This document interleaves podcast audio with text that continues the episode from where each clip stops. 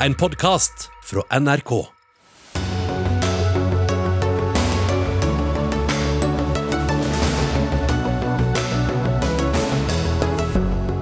Meld deg ut av Arbeiderpartiet er Venstres beskjed til påtroppende sentralbanksjef Jens Stoltenberg. SV kaller ansettelsen uklok. Hvorfor skal eh, vi alle betale for å splitte opp eh, sammenslåtte fylker, spør fylkesordføreren i Trøndelag, som ber eget parti forlate sitt eget valgløfte. Rødt vokser på meningsmålingene. De er blitt store på en politikk som gjør de rike rikere, sier en kommentator. Og hører islam og feminisme sammen? Nei, svarer en prest, men til oss kommer en muslimsk feminist. Vel møtt til dagens Dagsnytt 18 med Sigrid Solund i studio.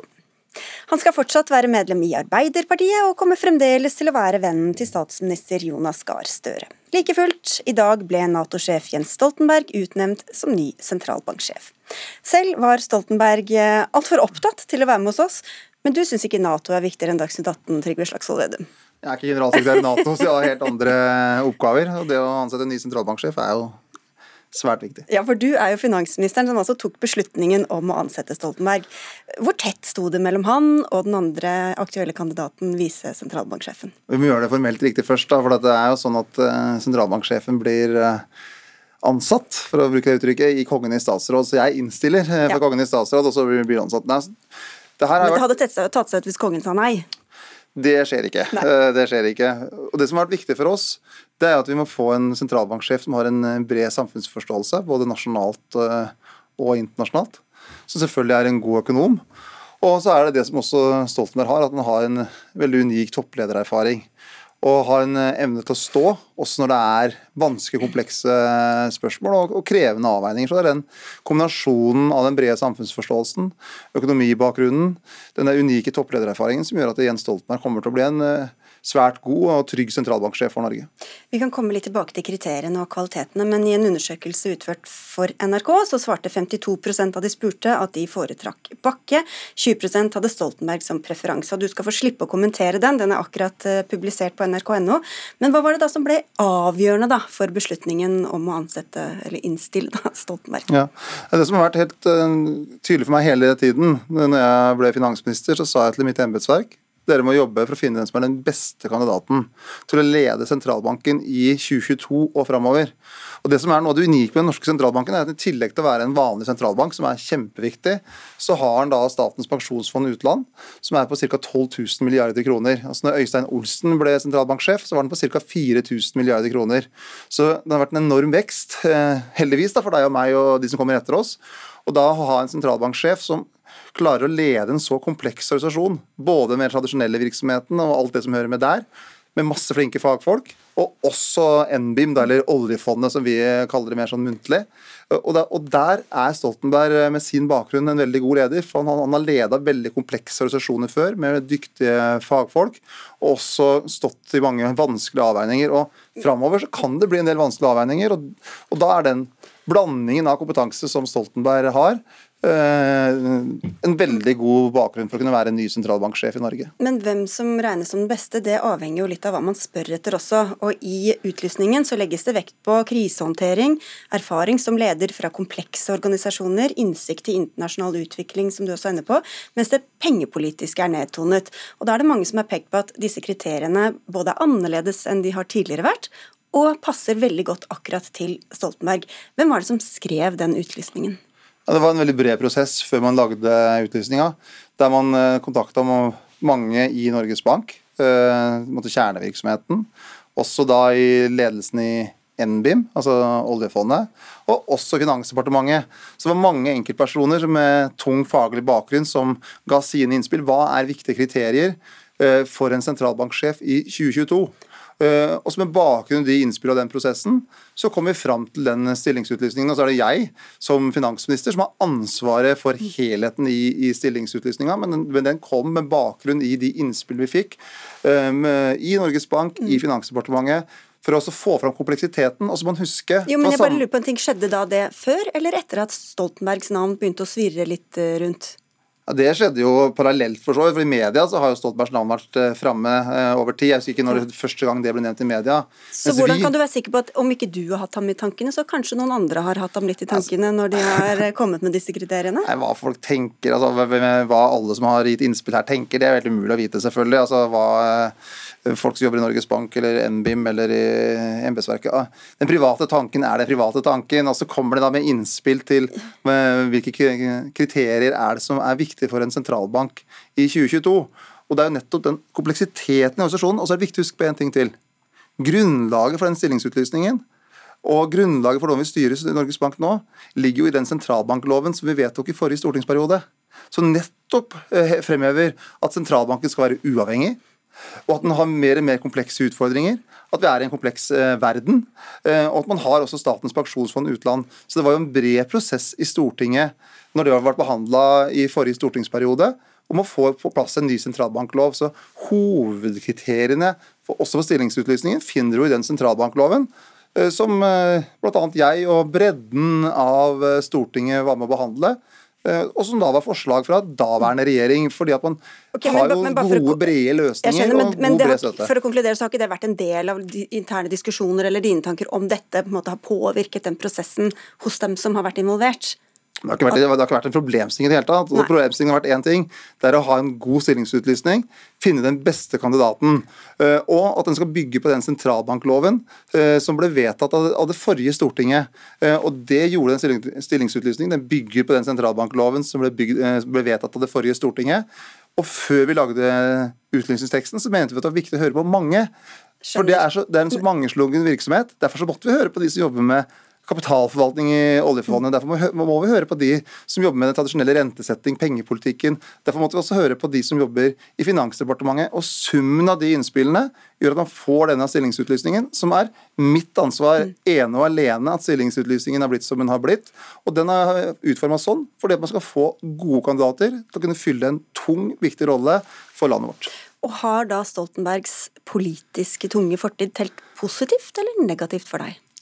Så Stoltenbergs eh, fortid som statsminister, finansminister og Nato-sjef har jo selvfølgelig eh, spilt positivt, for det gjør at han har en bred samfunnsforståelse. Men du sa at det hadde vært enklere å, finne en annen. Hva tenkte Jo, du det, på da? jo, for det er fordi jeg leser aviser og sånt. da.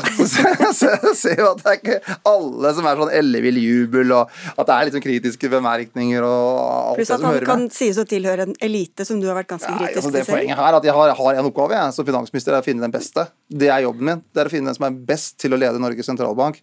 Sørge for at, den, at vi får en sjef som tør å ta også det som kan oppleves som upopulære beslutninger, og også som kan være en god styreleder for et av verdens største pensjonsfond, altså eller oljefondet. Det er et av verdens største fond. Og klart Det er utrolig viktig da at vi kan også ha en styreleder som kjenner de komplekse utfordringene vi står overfor internasjonalt, men også kjenner norske beslutningsprosesser på en god måte, og det gjør Jens Stoltenberg. Du, Vi skal slippe til eh, litt flere her, men mens de kommer på plass, eh, jeg må spørre deg om en tredje kandidat som det ikke har vært så mye snakk om, Jakob Bjorheim, som bor i Sveits, men som også har en imponerende CV og relevant erfaring. Ble han vurdert? Så Alle som søker, blir jo selvfølgelig vurdert. altså det er jo en Men ble jeg kalt inn til intervju, f.eks.? Altså, poenget er at her var det jo, sto vi til, til slutt igjen med to eh, veldig godt kvalifiserte kandidater. Ida Wolden Bakke, som er svært dyktig dame. Ja, sto igjen med to, eh, og- og men var- var han innkalt til intervju? som er en Svært dyktig mann. Altså, vi hadde her to dyktige personer. Så han ble ikke innkalt til intervju? Nei, til slutt så var det to personer her sto eh, imellom. Ida Wolden Bakke og Jens Stoltenberg. Og det har vært helt åpenhet eh, rundt hele tiden. To dyktige personer. Ida Wolden Makke, særdeles Ja da, det er ikke det jeg spør, om. Nå bare jeg svarer på, jeg hvor, hvor blei det av han? Lurte jeg bare på Hvordan... Nei, her har vært gjort vurderinger nettopp på det, den brede samfunnsforståelsen både nasjonalt, internasjonalt. Selvfølgelig det med økonombakgrunn, eh, toppledererfaring, de ulike kriteriene som vi hadde inne. Og da var det, når man så på de kriteriene, så var det Ida Wolden Bakke eh, som en dyktig person. Eh, Og Jens Stoltenberg som en dyktig person, som var de to som ble tatt med i vurderingene helt inn. Du, bli sittende, nå skal vi få inn litt flere her.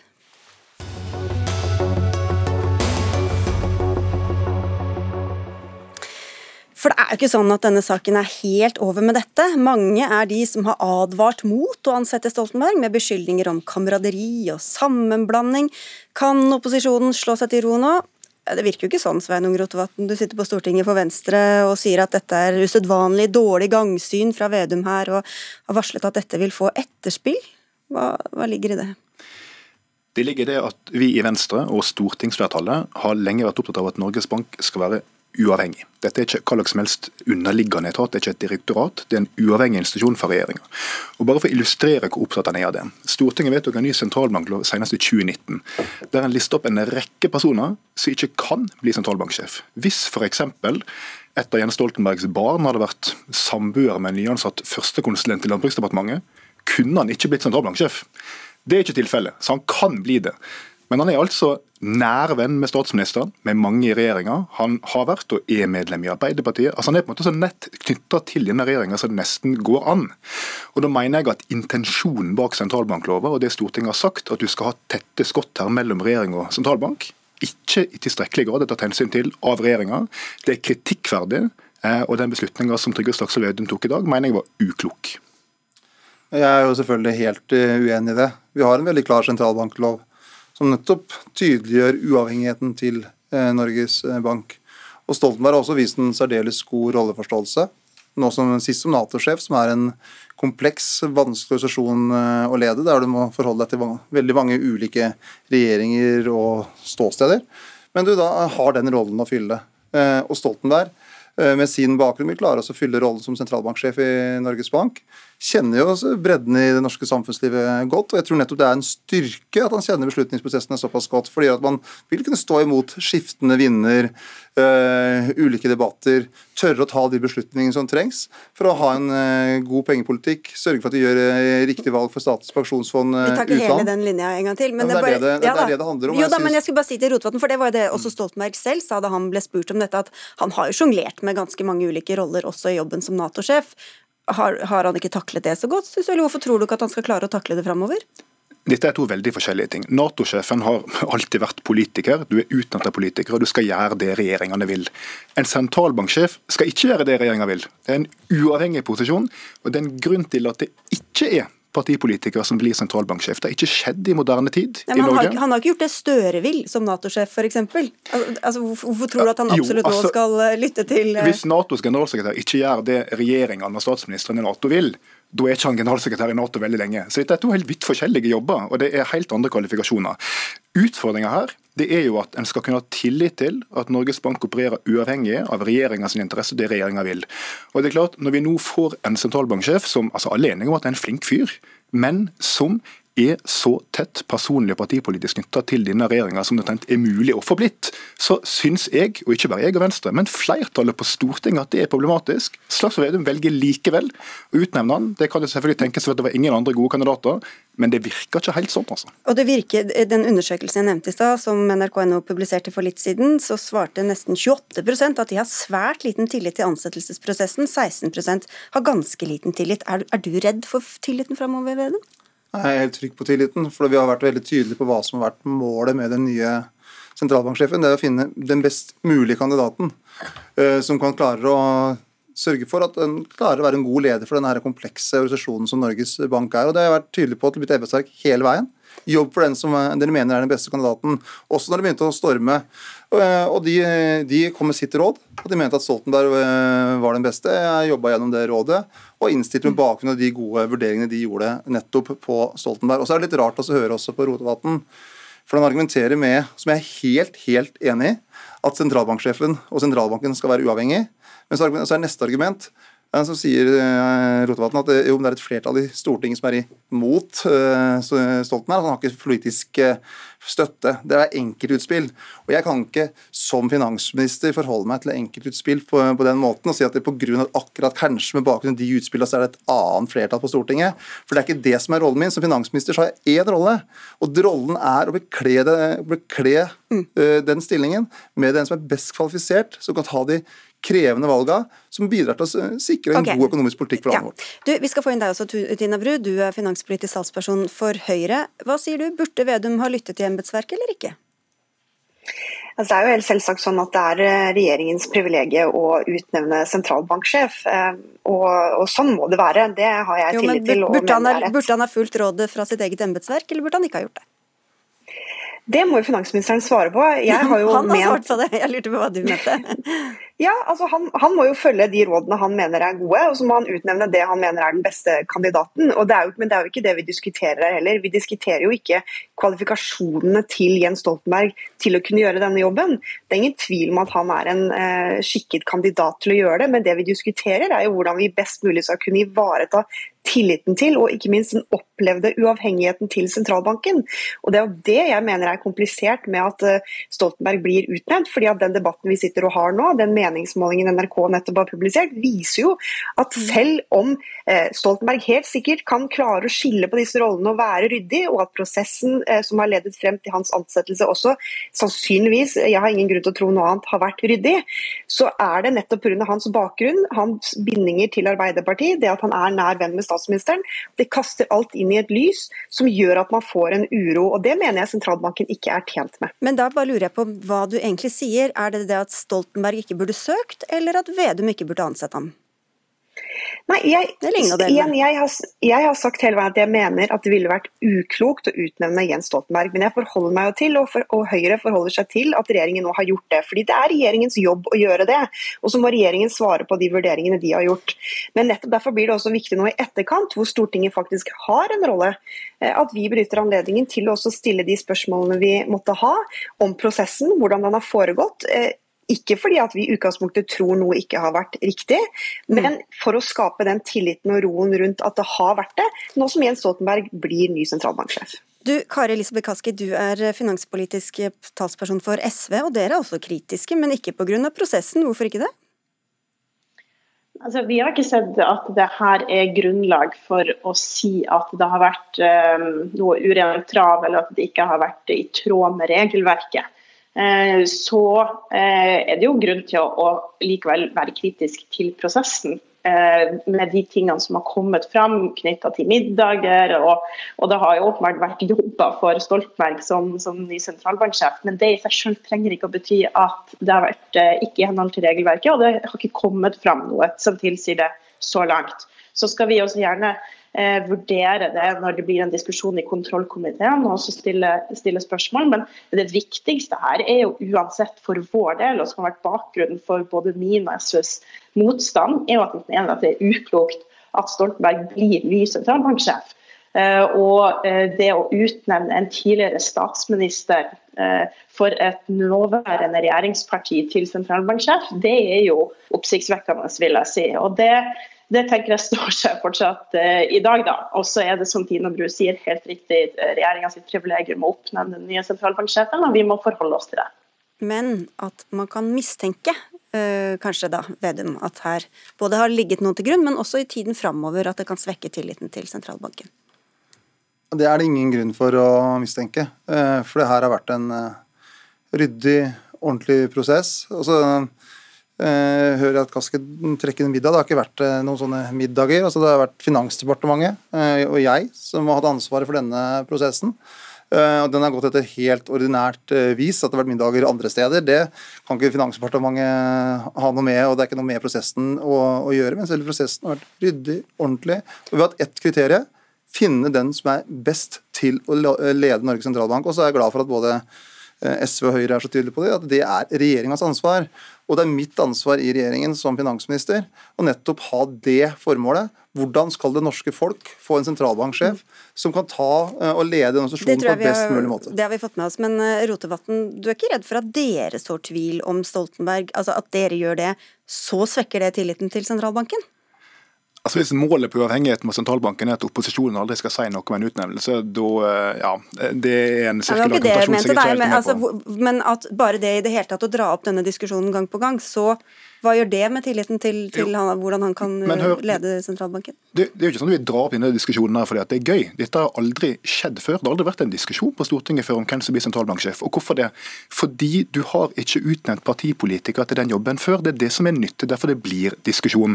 Det som er interessant nå, er jo hva som skjer framover for å bygge opp den tilliten. ikke sant?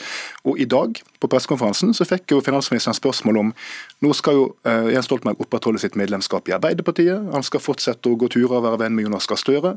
Er det da greit at sentralbanksjefen går på tur med statsministeren og snakker om rentefastsettelse, handlingsregel, den typen ting, Det Ja, vil men- ikke finansministeren svare på. Ja, det, det sa vel Stoltenberg at han ikke ville gjøre, da. Nei, Han sa han skulle opprettholde ja, altså Han sier 'stol på meg, jeg har integritet'. Det er det Stoltenberg sier.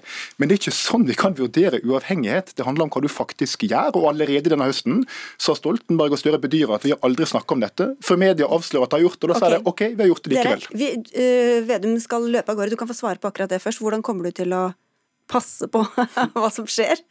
Altså det, for det første så har jo Støre vært eh, inhabil i hele prosessen. Han var tydeligere dag én, så han har ikke hatt noe med denne beslutningen eh, å gjøre.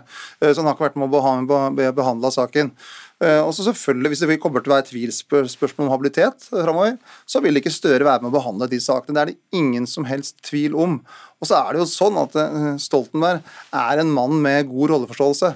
Eh, Og det at vi har eh, den type erfaring, den type kunnskap, den breddeforståelsen, det er en styrke for Norges Bank, ikke en svekkelse. Og det er også en styrke at vi får en sentralbanksjef som tør å stå opp mot når det blir ulike stemninger. For det er nettopp en sentralbanksjef sin rolle å være den litt tydelige, klare lederen, som kan være da noen ganger uenig med en regjering eller et storting, eller hva det enn er. For han er uavhengig, og det er rollen til sentralbanksjefen. Og det er det vi på Stortinget i sin tid vedtok i forrige periode. for Vi ønska nettopp at sentralbanken skal være uavhengig, og og så er vi opptatt av at de har den bredden man har der også, med Statens pensjonsfond utlandet, og at man får en god styreleder for den virksomheten. Jeg lovte å sende deg ut eh, på denne tiden, så du skal få lov å gå. Takk skal du ha. Vi holder på et par minutter til. Tina Bru, eh, Fremskrittspartiet har varslet granskning. Eh, Venstre vil vel også ha det inn i kontrollkomiteen.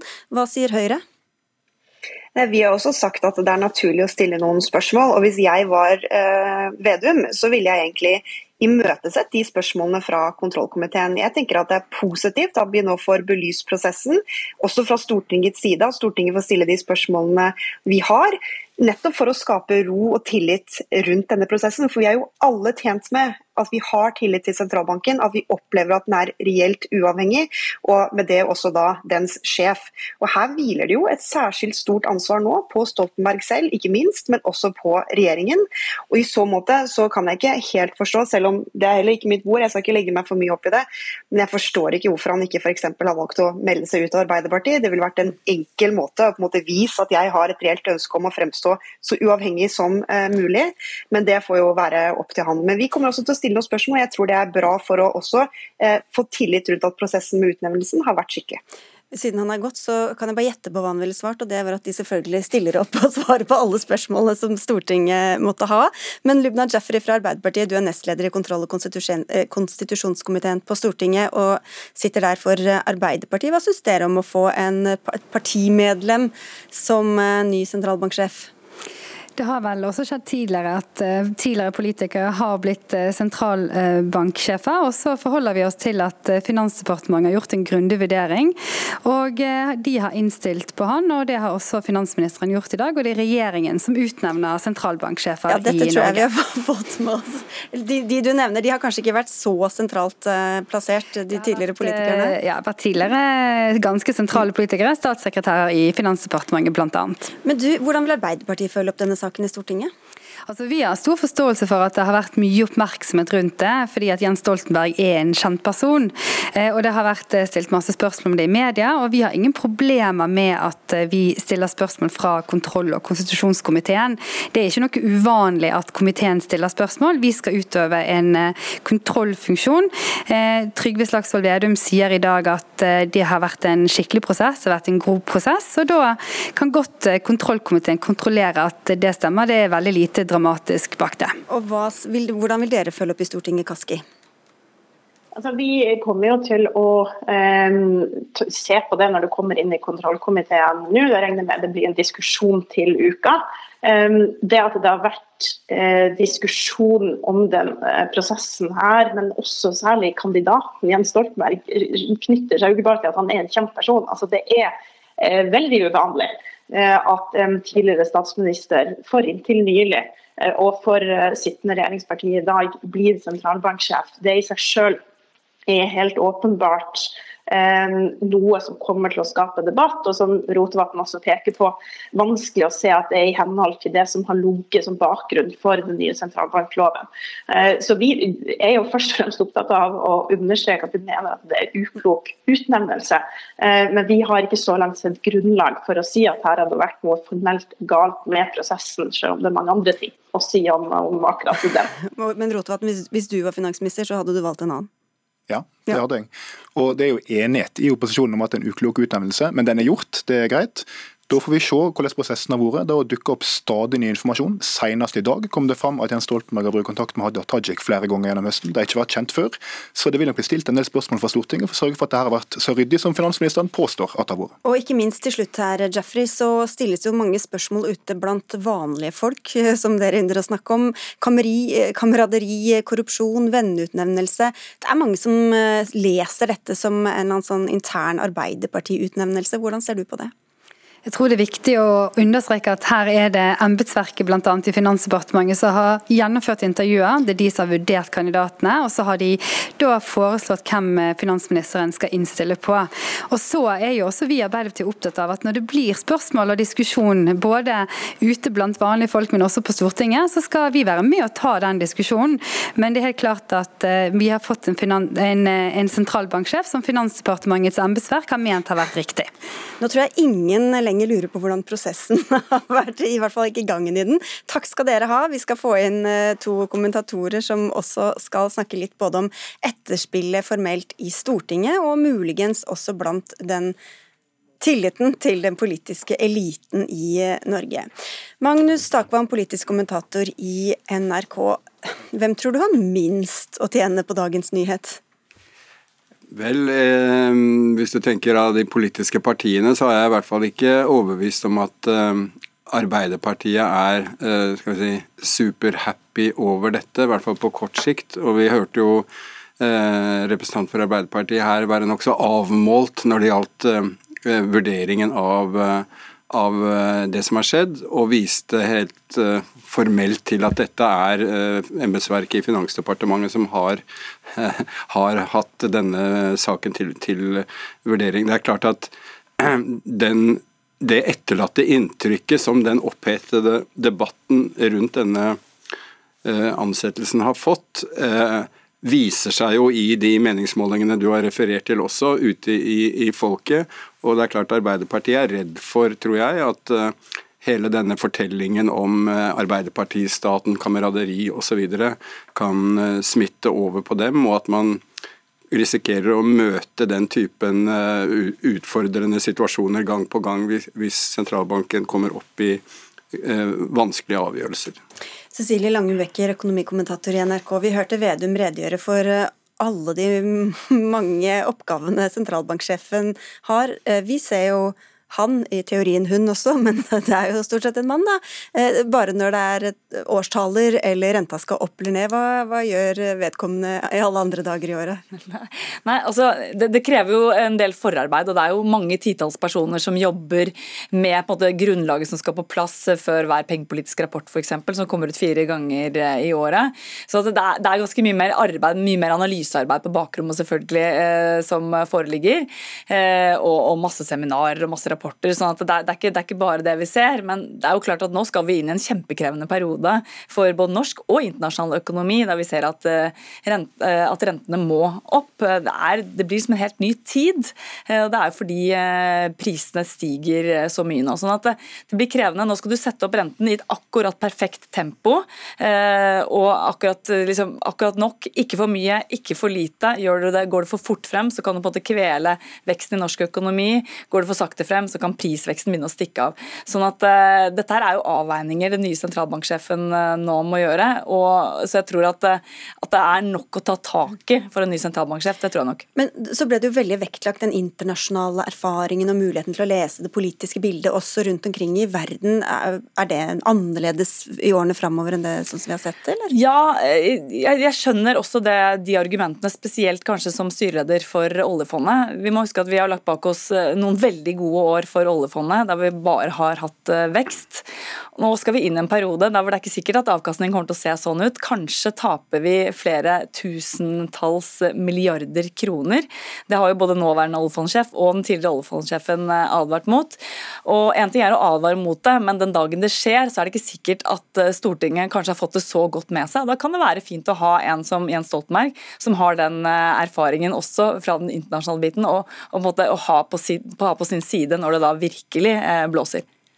Altså det, de nye kriteriene eh, i uh, utlysningsteksten til sentralbanksjef har jo blitt en del av debatten om eh, er dette skreddersydd for Jens Stoltenberg eh, osv. Eh, det, det man da svarer i Finansdepartementet f.eks. om det, er at dette er ikke noe som ble funnet på akkurat når man skulle lage annonsen, men det var en del av arbeidet og teksten i den nye sentralbankloven i en analyse av eh, hva som er skjedd og hvilken, hvilken situasjon en, en, sentralbanksjef i Norge står i nå, med det meget store oljefondet og, og den mye viktigere rollen den har. slik at eh, Dermed så ligger det i noe av premissene bak arbeidet med sentralbankloven. Men som sagt, det er jo også blitt brukt eh, i, i, denne opphetede debatten som et eksempel på ok, dette er skreddersydd for ham. Men så er det jo også sånn at han ikke bare får utfordringer i, i, jobben, men det kan jo også bli litt utfordrende å forholde seg til et storting som egentlig er imot ansettelsen, eller hva kan skje der? Ja, eh, det vi hørte i, i, nå i Dagsnytt 18 fra de ulike partiene, viser jo at det er eh, stor skepsis i alle opposisjonspartier, også SV mot, uh, mot uh, ansettelsen. Men den deler seg i to. altså Det er de, de partiene som også går løs på selve prosessen og, og, og, og finne kritikkverdige forhold der som de vil gå inn i. altså At det er kameraderi, mye har skjedd på bakrommet. Det er den ene delen av eh, opposisjonen. Mens jeg føler at f.eks. SV og Høyre mer er prinsipielt uenig i klokskapen i ansettelsen ut fra temaet uavhengighet. Og det er ikke noe du kan granske. Du kan ikke granske om det er riktig, riktig eller galt. Så det er en reell uenighet, og de tar da også i stor grad dette til etterretning. Men om ikke annet så blir det kanskje litt mer interesse om disse rentemøtene framover? ja, og det er en veldig viktig jobb for en sentralbanksjef å skape interesse for nettopp eh, pengepolitikken, altså rentesettingen, og forankre renteforventningene hos det norske folk. At du og jeg skjønner at nå skal rentene opp. Eh, jo mer media skriver om det, jo mer du klarer å kommunisere det, jo bedre er jo det selvfølgelig for Norges Bank. Og sånn sett så, så vil vel kanskje Jens Stoltenberg eh, klare den jobben ypperlig. Dere, takk skal dere ha, Magnus Takvam og Cecilie Langenbekke, for at dere kom til Dagsnytt 18.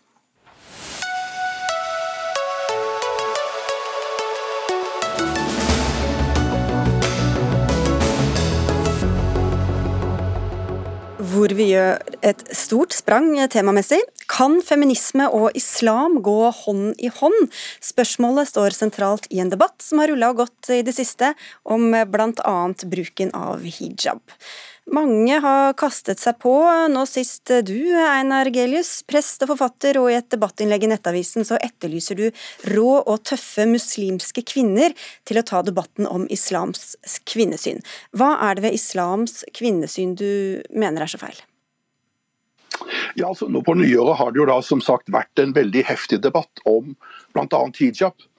Eh, nå har ikke jeg gått inn i den selve debatten, men jeg syns det har vært interessant å utfordre muslimske feminister på, på likestilling og likeverd i islam.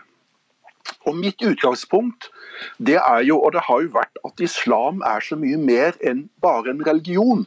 Det er et livs, eh, altså en slags livssett, styringssett eller en slags ideologi som, som berører faktisk hele livet. Både juss og politikk og økonomi. Og Islam er derfor noe som berører hele livet, og som innebærer veldig sterke forordninger, påbud og forbud, som jeg oppfatter som ganske kvinnediskriminerende. Og Jeg har jo da tillatt meg å, å peke på noen av disse. F.eks. at muslimske kvinner bare arver halvparten av det menn gjør. Eller at en muslimsk mann kan gifte seg med hvem som helst, mens en muslimsk kvinne kun kan gifte seg med en muslim. Og Derfor har jeg tillatt meg å stille disse spørsmålene. Men enten så får jeg ikke svar, eller så får jeg durabelig kjeft for at jeg har reist disse enkle spørsmålene. Eh, og det er, det er utgangspunktet mitt. Du har jo fått ett svar i hvert fall i Klassekampen fra deg, Rania Jalal Al-Nahi. Du er muslim og masterstudent ved Det teologiske fakultetet på Universitetet i eh, Oslo. Bare for å ta det grunnleggende her, hvordan er feminisme forenlig med islam?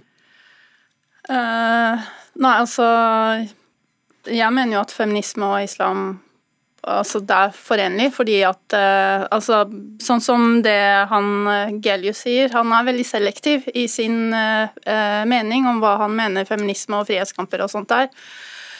Um, altså Feminisme handler jo om frihet, likestilling og rettferdighet for både kvinner og menn. Og det gjør jo også islam, mener jeg. Så jeg mener jo derfor at feminisme og islam er forenlig med hverandre.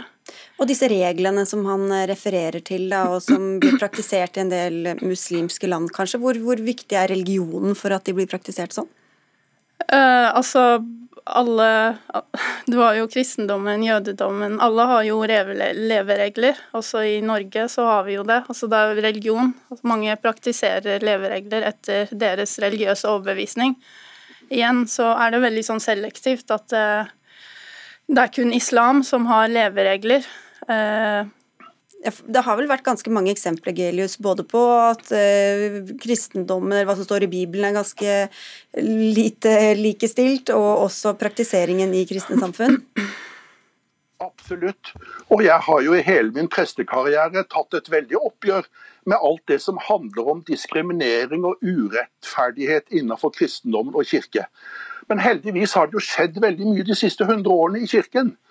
Husk på det at vi har jo fått både eh, kvinnelige prester, vi har fått eh, åpent for homofile vigsler til med kirken.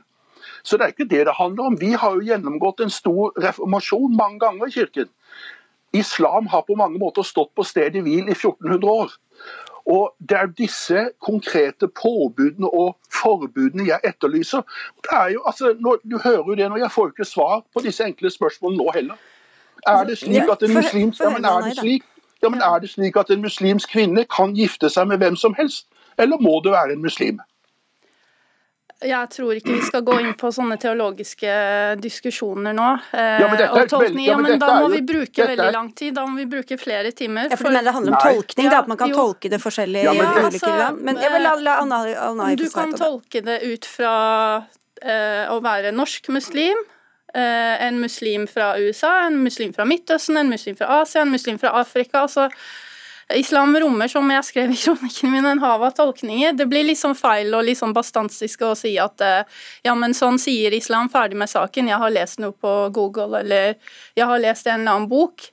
Det blir jo det samme som kristendommen. Altså, Kristne i, eh, i Sør-Amerika har jo ikke samme verdisyn som kristne i Norge eller Europa. Og det er mye kultur og religion som er blant altså, Man må se det gjennom linsene. Eh, og jeg snakker ut fra eh, altså islam i norsk kontekst, ut fra uh, mine linser. Altså, uh, I Norge så har man jo hatt et generasjonsskifte i moskeer. Um, det generasjonsskiftet har jo tatt et oppgjør med um, tidligere generasjoner, har krevd mer plass. Uh, generalsekretær for STL hun var ute i dag STL, og Samarbeidsrådet for tros- og livssynssamfunn og der uh, har hun vært ute i dag og uh, svart uh, Lilly Bandehit på en av hennes mm. kronikker det, om at man, svart, man svartmaler muslimer. Det, det, jeg, det, er sånn jeg tolker Gelius. Ja, du sier at han umyndiggjør kvinner. Hvordan da? Ja, altså Han forteller jo f.eks. For at altså, han opererer med kategorier. Altså, altså i hijab, Har du på hijab slør, så er du ikke fri. Og Da er liksom den evige hijab-debatten om at uh, altså våre identiteter blir satt opp mot hverandre. Um, hijab jo, kan jo være en uh, trosoverbevisning, uh, en identitetsmarkør. Hijaben har veldig mange betydninger. Er du litt kategorisk, Gelius, når du ser også på hvor ulikt islam blir praktisert rundt omkring i verden? Ja, men nå hører du òg at jeg får jo ikke svar på disse helt enkle spørsmålene. Du Og kan dette få er- svar. Ja, men hør. Ja, men dette er jo, dette er jo fra et feministisk standpunkt. Mm. Dette handler om kvinnesyn, det handler om likestilling. Og jeg stiller spørsmålet igjen. Kan en muslimsk kvinne gifte seg med hvem hun vil? Du kan få svar hvis du henvender deg til Det teologiske fakultet på Universitetet i Oslo. Der kan du få svar. Men hvorfor vil ikke du svare, da? er- ja, men du Da må er vi sitte her er i jo flere feminist. timer.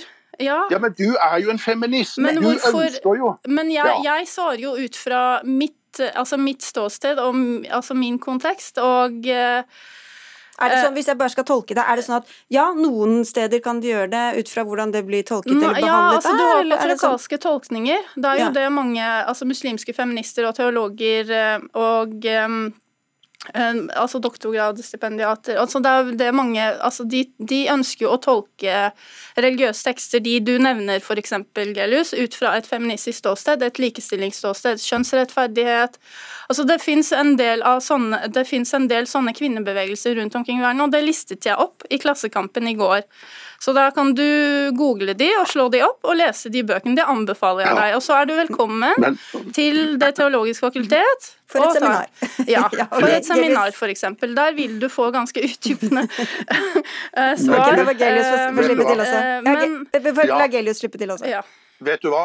Jeg vil anbefale deg til å lese den dansk-kurdiske forfatteren Sara Omar. Hun sier, hun sier følgende Ja, men- Hun sier følgende at hun blir sint, hun blir rasende når jeg leser om de ting som står om mine rettigheter som kvinne i Koranen. Og når jeg leser Koranen, sier hun, så blir jeg klokere på hva jeg ikke skal finne meg i. Jeg mener dette er det det handler om. Dette er en muslim som forteller om hvordan islam og Koranen faktisk er ganske Nei, vet du hva? Hun forteller ut fra hennes opplevelse og hennes perspektiv. Du må slutte å svartmale og generalisere. Det er det du faktisk gjør. Du generaliserer og du svartmaler. Du sier muslimer, islam. Altså Du snakker på vegne av 1,7 milliarder muslimer. Det er det som er problemet. Hadde du snakket fra hennes perspektiv, kan du fortelle meg hvorfor hun mener det? Hva mener du om det? Altså Det er Ja, måten da- du, du fører men- men du- samtalen, Ok, den men dere, offentlige dere vi, vi må dessverre avslutte, men jeg må bare høre på til slutt her da. Gelius, tar du imot eh, invitten til Det Du, teologiske ja. fakultet? Du, jeg er utdannet ved Teologisk fakultet. ja, så kan, Sånn da, da, da finner du veien. Takk skal dere ha begge to, Einar Gelius og Rania Jalal Al-Nahi.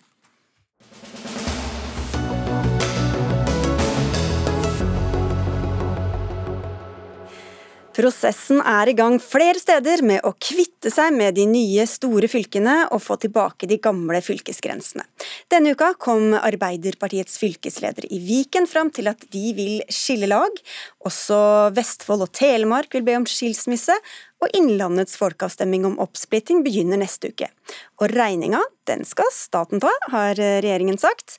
Men ikke send regninga til oss, skriver du Toro Sandvik på ytring.no, hvor du, du er altså fylkesordfører i sammenslåtte Trøndelag. Hva er det du er bekymra for? Nei, Jeg er bekymra for det første fordi at uh, den regninga som er presentert fra administrasjonene i disse fylkene, den er veldig stor. Vi snakker nå om til sammen uh, i verste fall et milliardbeløp. Uh, de pengene kan man bruke bare én gang, så jeg er bekymra for at det samla handlingsrommet for alle de store oppgavene vi har i fylkeskommunene uh, framover, blir mindre. Fordi det er også mye annet ja, press i økonomien som vi, vi, opplever nå, som vi sannsynligvis kommer til å bli mer utfordrende eh, i løpet av året. Og så er jeg bekymra for at jeg også ser det at enkelte av de minste fylkene eh, der beskrives det at de kommer til å gå med store underskudd over flere år framover. Og så eh, ber da eh, politikerne fra de fylkene om at staten også må ta den regninga. Mm. Og så kommer beskjeden om at ja, det kan gjøres, og det kan gjøres gjennom å endre inntektssystemet. Eh, for alle oss som da lever av inntektssystemet rundt omkring i fylkeskommunene, så vet vi hva det betyr. Det betyr omfordeling, og det betyr at da sendes da i realiteten regninga til innbyggerne i de andre fylkene. Ok. Eh, og Det sier jeg, det, det kan ikke skje. Viken, Innlandet, eh, Vestfold, Telemark, Troms, Finnmark må gjerne skille seg og følge opp det. Men da må man også være ærlig på at det får konsekvenser. Denne regninga er så stor at det får konsekvenser for tjenester, for fokus og for andre politikkområder. Man må ikke late som om at man ikke må prioritere. Vi må heller ikke late som om at denne regninga skal sendes til andre fylker, for det går rett og slett ikke an. Du sitter i en bil, jeg håper du har hatt varmeapparatet på så langt på veien, men med oss i studio har vi deg, kommunal- og distriktsminister Bjørn Arild Gram. Hvorfor skal alle betale fordi noen vil ha sine gamle fylker tilbake? Jeg mener Det er noen eh, misforståelser i resonnementet til fylkesordføreren i Trøndelag. Eh, det vi har snakka om å stille opp for fylkeskommunene på, handler jo om de engangskostnadene som kommer som følge at man deler seg. Jeg mener Det skulle bare mangle om vi ikke stilte opp for det òg, når, når, man har brukt tvang overfor de her fylkeskommunene og har trua på lokaldemokratiet. det det håper jeg at Tore Sandvik har, eh, og, og, og, gi dem en sjanse til å få det som de vil. Men når han trekker inn inntektssystemet i dette, så mener jeg det blir veldig feil. Vi har altså snakka om engangskostnadene. Inntektssystemet er jo et system som er objektivt og nøytralt. Og de endringene vi skal gjennomgå i inntektssystemet nå, eh, det vil ikke eh, knytta til til delinga vil ikke påvirke andre fylkeskommuners økonomi. Hvis vi holder oss til dette, denne engangssummen, da, Sandvik. Hvorfor skal lokalbefolkningen betale for noe de ble tvunget til å gjøre? Nei, altså Jeg er helt enig. Altså, jeg skulle helst sett at man brukte tida si framover på noe annet enn eh, å, å dele opp fylker. for jeg mener vi Med strømkrise på vei ut av en pandemi og med løpende kostnader som stiger for flere områder burde ha prioritert og, eh, det grønne skiftet og sikre nok lærlinger bedre gjennomføring i skolen. Men jeg aksepterer det. Men jeg aksepterer det. Og jeg aksepterer også det at, at, det er et flertall som mener at eh, da må man dekke den regninga. Men den regninga var jo ikke klar når det kom inn i Hurdal. Eh, så derfor mener jeg at Det må jo også være sånn at det må være en viss edruelighet på den, hvor stor den regninga skal bli. Og den kan, jo bli ganske, ja, ta, den kan jo bli ganske stor etter hvert, Gram. fordi at etter hvert som, og etter at du sa at vi tar regninga, vi altså som i staten, da, eller eh, alle oss, så er det jo flere og flere, også de som kanskje ikke var så misfornøyde fra før av, som har meldt seg på at ja, kanskje vi også skal splitte oss opp igjen? Altså, det er de som har fått anledning til å sende søknad splittes opp, det er ti kommuner og fire fylkeskommuner. Og Det er noen av dem som antagelig nå da kommer til å sende en søknad. Vi vet jo ikke det ennå. Eh, fristen går ut 1.3. Men jeg er enig i at det skal være en nøkternhet her, og det legger jeg til grunn. og det vil jeg også Eh, bare gi uttrykk for nå, at eh, det skal være nøktern. Eh, nøktern oppsplitting? Nei, nei, men i, i, i de kostnadene som det følger med seg. F.eks.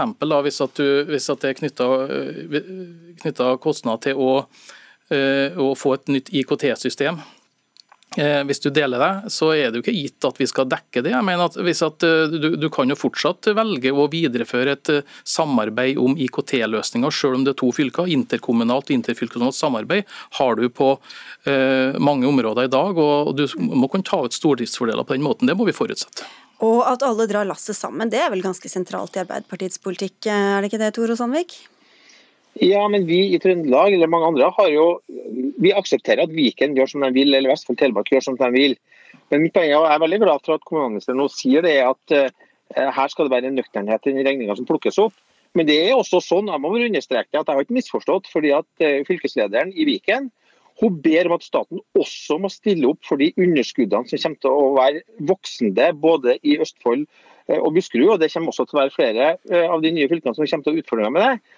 Og Da var svaret fra finansministeren at eh, det kunne man bare ta det med ro, man skulle sikre at det ble nok penger, og da skulle man se på inntektssystemet. Men jeg er veldig glad for at det nå avklares at det ikke er tilfellet, og at det da sannsynligvis er NRK som har dratt det litt langt i sitatene. ok, vi får høre her. Ja, nei, Det mener jeg er, er helt feil. Vi, vi skal håndtere eh, engangskostnadene. Men så er, skal vi jo stille opp for fylkeskommunal økonomi i sin alminnelighet. Det er klart. Og vi har jo i år nå styrka fylkeskommunenes frie inntekter med nesten 1 milliard. Det er ganske mange år siden det skjedde sist.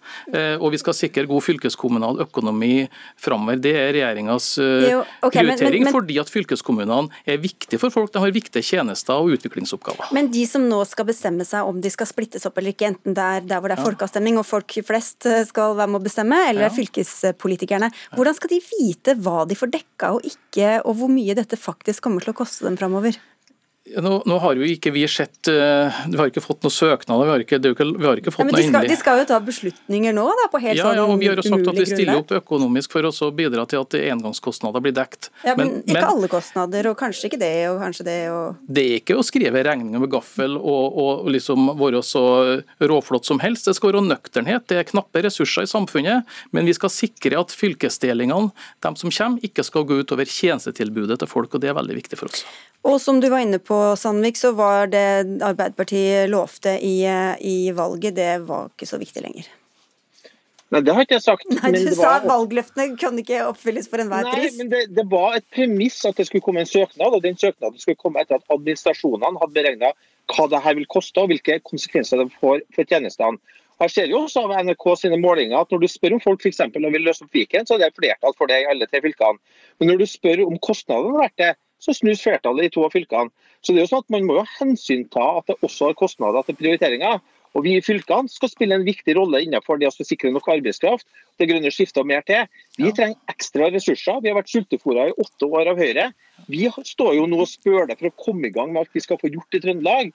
Og Da må vi være da er vi opptatt av at det finnes ressurser til realvekst i økonomien, og at vi får de midlene vi trenger for å sikre nok arbeidskraft og at vi greier å ta hele fylket i bruk. Og vi får til et så grønt skifte som er veldig krevende og som haster veldig, og som staten og regjeringa nå har tatt av seg store ambisjoner innenfor. Her lukter det høye skatter etter hvert, Gram, for å finansiere alt det her. Vi er jo, vi er jo enige om, det, om betydningen av fylkeskommunene, at de skal gå i ramma. og Derfor at vi allerede i første budsjettet da, hadde en rekordøkning i fylkeskommunenes vekst i fylkeskommunenes frie inntekter. Så vi er på god vei til å styrke fylkeskommunene, i tråd med også det Tore Sandvik ønsker.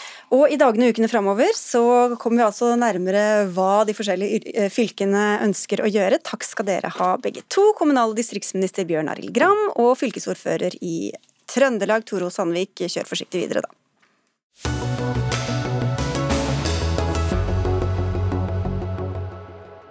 Rødt er i vinden om dagen, det har vel de fleste fått med seg, ikke minst her i våre sendinger. Og mange peker på strømprisene som en sentral forklaring på de gode målingene for partiet. Men Rødt er blitt store på en politikk som gjør de rike rikere, skriver du i Bergens Tidende, hvor du er kommentator, Anne Rokkan. Hvordan gjør de det? Altså Nå fungerer jo denne strømstøtten eh, sånn at etter at strømprisen går over visst nivå, 70 øre kilowattimen, så tar eh, staten eh, og dekker litt av, eh, av, regningen for det som kommer over det. Og det gjør det jo enten du har god eller dårlig råd, og de følger på med forbruket, så du får mer støtte jo mer du bruker, opp til et tak på 5000 kWt i måneden. Og det er ganske mye, det er omtrent dobbelt så mye som en vanlig enebolig. Og da tenker jeg at Eh, nå får staten veldig mye økte inntekter pga. strømkrisen, men de som stikker av på en måte med mesteparten av strømstøtten, det er også de med, med høyt forbruk, som ofte er store boliger og, eh, og mangel på sparing, kanskje. Dette... Så sånn så er jeg litt redd for at vi subsidierer på en måte høyt forbruk mer enn de som virkelig trenger hjelp nå. Da etterlyser jeg jo en en debatt om, eh, om, vi kanskje kunne brukt disse strømpengene, denne inntekten, på en litt mer treffsikker måte. Sånn at de som virkelig treff, trenger det mest, får mest av støtten. og Det, eh, det etterlyser jeg på en måte Rødt med meg på en debatt om. da. Ja, fordi Dette er jo egentlig en ordning som kommer fra regjeringshold. Hvorfor etterlyser du da Rødt? Hvorfor skal de stå ansvarlig? Altså nå har jo Rødt med Sofie Mare har jo klart å ta veldig eierskap til den strømstøtten. De har vært flinke å være på å på en måte be etter at den skal styrkes, og be om at det på en måte den prosentsatsen som staten tar, skal økes. Eh, samtidig så er jo Rødt et parti som er veldig for en sterk omfordeling av eh, statens inntekter. Eh, et syn jeg deler. Eh, og Derfor så ser jeg jo litt Rødt på at jeg savner liksom at de eh, Jeg syns ikke de er helt eh, tro mot sin politikk, når de nå går inn for en strømstøtte som lar de som trenger det minst, minst stikke av med mest. Sofie Mare er allerede introdusert, du sitter på Stortinget for Rødt. Hvorfor har dere vært med på å ivret for en sånn løsning? Altså, Vi har jo ikke ivret så veldig for regjeringens strømstøtte, egentlig, men vi har presset på for å få eh, mer tilbake av det som eh, husholdninger har betalt i dyre strømregninger denne vinteren. Og så har vi foreslått en makspris på strøm eh, på 35 øre kilowattimen, som selvfølgelig òg eh, vil jo være billig for, eh, for de fleste. Eh, og det handler jo om at vi ser på strøm som et helt grunnleggende behov. Vi, ser, vi tenker ikke at strøm er en luksusvare. Vi vil ikke at uh, vi skal ha skatt skatte, altså at strømregningen skal bli en skatteseddel. Og så har vi jo en veldig omfordelende skattepolitikk i Rødt. Eh, sånn at eh, Rokkan f.eks. som skriver om at eh, hun får subsidiert tur til København i helgen. Eh, med Rødt sin skattepolitikk så ville du som kommentator i Skipsted òg Måtte bli hjemme. ja. Ja, altså nå, eh, Det er jo et eksempel jeg bruker, for jeg ser på meg sjøl, som har en god, men ikke sånn, ja, hva skal jeg si, litt mindre enn en stortingsrepresentantlønning. Eh, og jeg tenker at sånn, Nå er strømprisen veldig høy, og min regning er også dyr, men da burde jeg, som har på en måte, som er sunn, frisk, står i full, eh, fullt arbeid, eh, jeg burde klare å på en måte finne rom i eget forbruk og budsjett for å ta unna den, den akutte på en måte, prisøkningen. Da. For dette er jo ikke mer enn, altså Hvis kjøleskapet mitt ryker, så kan jeg ikke snu meg til staten og få det dekket. Så Problemet er at for de som ikke har den type fleksibilitet i budsjettet sitt, det er jo de som trenger denne støtten mer enn meg. Jeg ender jo opp med at istedenfor å droppe en helgetur til København, så kan jeg ta den likevel, for jeg fikk strømstøtte. Skal det sies, det er veldig billig å dra til København. Så det er ikke så mye det er snakk om. Ja, altså, poenget her er jo at eh, strøm vi ser på strøm som en del av velferdsstaten, på samme måte som vann eller renovasjon. Vi mener at det er noe som velferdsstaten skal være med Jo, men hvis du ser på det som det, som, du, som det blir sagt her, at det stimulerer jo til altså Nå kan vi trygt bruke mer strøm, eller ikke trygt, men det i hvert fall blir ikke så dyrt som det ellers ville vært. Og varme opp uh, utendørs boblebad på fjellet, eller uh, oppkjørselen til, uh, til huset for dem som har det. Er det også en Nei, eh, men det som er eh, problemet med sånne basisvarer, er at de ikke Man blir ikke like påvirket av høye priser. Eh, så den ene faktoren som har mest å si for hvor mye strøm du bruker, det er temperatur. Så denne vinteren for eksempel, så har husholdningene brukt mer strøm enn eh, i andre år, fordi at det har vært en kald vinter. Så det egner seg på en måte ikke for den markedslogikken på samme måte som eh, eh, kosmetikk, da, fordi at eh, Eller tur til København. eller tur til København, fordi at det er, burde være en del av infrastrukturen. Sånn som det var før vi begynte å liberalisere energipolitikken på 90-tallet og fremover, fram til i dag. Ja, det, det, eh, jeg er ikke uenig, men det er mange ting som eh, vi kan være enige om at burde være en del av en måte, et basisforbruk. F.eks. tannhelse, som er en, en, annen hjertesak for Rødt. Eh, et tannhelsereform ville kostet omtrent 12 milliarder i året. Eh, vi har tatt inn 24 milliarder i ekstra strøminntekter og kunne sånn sett finansiert to tannhelsereformer eh, på det, istedenfor å gi ut strømstøtte som, går litt, som rammer mindre eh, treffsikkert. Så det, jeg tenker vi, det jeg ønsker meg er en debatt om, om prioritering. Hvilket basisbehov skal vi på en måte dekke først. Og der prioriterer jo Rødt å øke selskapsskatten, øke formuesskatten. Vi har jo et skatteopplegg som skal dekke jo, men gratis tannhelse. Dere har ikke sagt nå i år at nei, vet dere hva, vi syns at vi heller skal spare litt mer på strømmen, og så bruker vi heller de pengene på tannhelsereform. Dette er jo ekstra skatteinntekter, og eh, denne regjeringen bruker jo heller ikke eh, opp de pengene på eh, verken velferd eller tilbakebetaling av det som folk har, har betalt. Så det som har skjedd denne vinteren, er jo at vi har hatt et prishopp som forsterker forsterker økonomiske forskjeller og skaper fattigdom. Eh, fordi det, det skaper reallønnsnedgang for folk med vanlig og lav inntekt. Men Hvorfor har ikke dere foreslått en annen innretning på den strømstøtten? Vi har foreslått en annen innretning. Vi har foreslått å ikke gjøre det mulig å selge strøm så dyrt. Vi har foreslått makspris på strøm på 35 øre kilowattimen. Og vi har òg bedt om å få utredet et toprissystem for strøm gjennom avgiftssystemet, sånn at avgiftssystemet som er i dag, kan bli mer omfordelende i tillegg. Så vi er jo vi forstår jo, jo det problemet, men hovedsaken her og nå er at strøm er en basisvare, ikke en luksusvare. Eh, og vi må ikke få en ordning som er sånn at strømregningen blir skattesatt. Det er vel både en basisvare og en luksusvare, på en måte? Ja, nå er jo ikke jeg helt enig i det. Det er et helt grunnleggende behov. Og det vil alltid være noen som sløser. Det vil være noen som sløser med vannet òg, selv om vi har vann til kostpris i Norge. Er det luksusvare eller er det basisvare? Ja, eller begge, det er begge deler. og Vi må jo bare erkjenne det at denne strømkrisen, selv om den på en måte kom akutt, så er den sannsynligvis kommet for å bli. I hvert fall så vil den jo bli forsterket de neste årene. når Ikke vi skal... støtt for det så mye.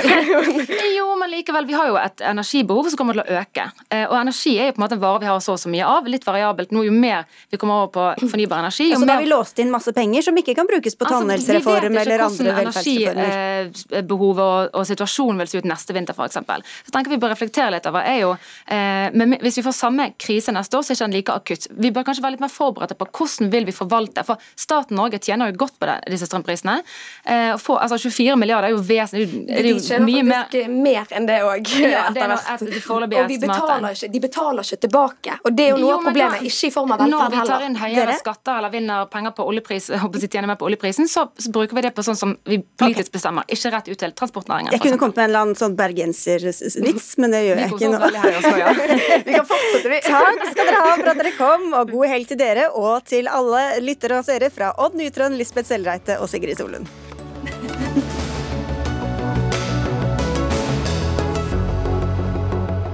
Du har hørt en podkast fra NRK. Hør flere podkaster og din favorittkanal i appen NRK Radio.